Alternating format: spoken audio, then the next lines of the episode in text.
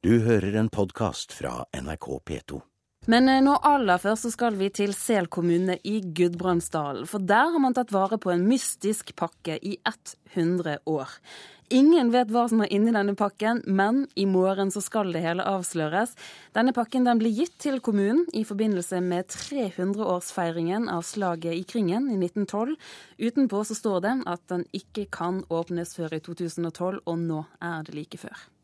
Det begrenser jo hvor mye klær det kan være inne her òg, sjølsagt Ut ifra De størrelse. er spente på hva som skjuler seg inni den mystiske pakka, ansatte på kommunehuset på Otta. En Protokoll kanskje av et eller annet slag, jeg vet ikke. Eh, og beholder den i arkivet i kjelleren her. Trygt og godt.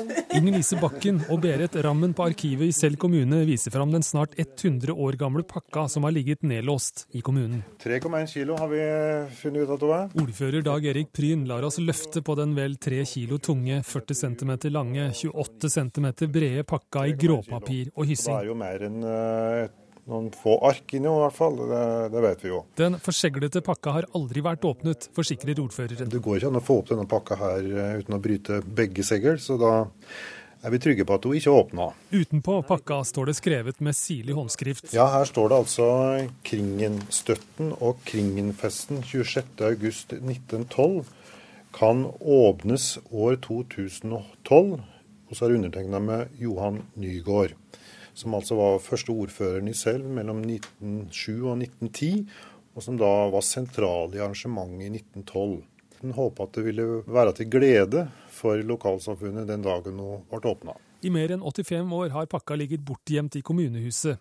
Berit på arkivet sier ingen har fått lov å røre den. Nei, hun som jobber på arkivet så liten. Være lovlydig da, vet du. Et par ganger har pakka nær blitt kastet i ryddeaksjoner, men er blitt reddet i siste liten, sier ordfører Pryd. Men etter den tid så har vi jo hatt kontroll på Da har ligget nedlåst i arkivet på, på Sel rådhus. da. God dag, jo. Har ikke peiling. Mange er nå spente på hva pakka egentlig inneholder, og det har ikke manglet på forslag. Det har vel vært prat om noe hår, var det ikke det engang? Flett unna pillarguri. Kunne jo selvsagt eh, håpe på at det var aksjebrev fra et amerikansk oljeselskap der. Nei, det blir noen spekulasjoner, da. Men det er jo helt sikkert noe interessante dokument, kanskje. Eller kanskje noe klær, eller vanskelig å si. Det blir spennende å se. Du har ikke prøvd å gjennomlyse den. Nei, altså jeg har ikke kjent på pakka før i dag, faktisk. eh, Den er ikke gjennomlyst. Men jeg hørte jo tilfeldigvis når du sier det i dag, at vedkommende som refererte til som fant pakka på tidlig 80-tall, han uh, hadde jo visstnok sin i dag da, tenkt at kanskje han skulle ta pakka med på legekontoret og få røntgenfotografert henne. Men det gjorde han da heldigvis ikke. Så han vet ikke mer, han enn oss. Fredag 24. august skal ordføreren klippe hyssingen og åpne den hemmelige forsegla pakka i nærvær av et stort publikum, ti ordførere og sikkert mange pressefolk på scena i Ottahallen. Som en del av 400-årsmarkeringa av slaget ved Kringen. Hva som det blir jo spennende å se. Nei, det vet vi ikke noe om. Men det er at det er noe papir det er det iallfall helt tydelig inni der. da. Men så lufter på og kjent på og klemt på.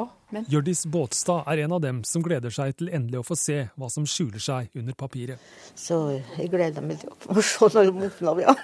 Historisk verdifullt er det helt sikkert. Vi har ikke noen store forhåpninger om at vi redder kommuneøkonomien med innholdet her.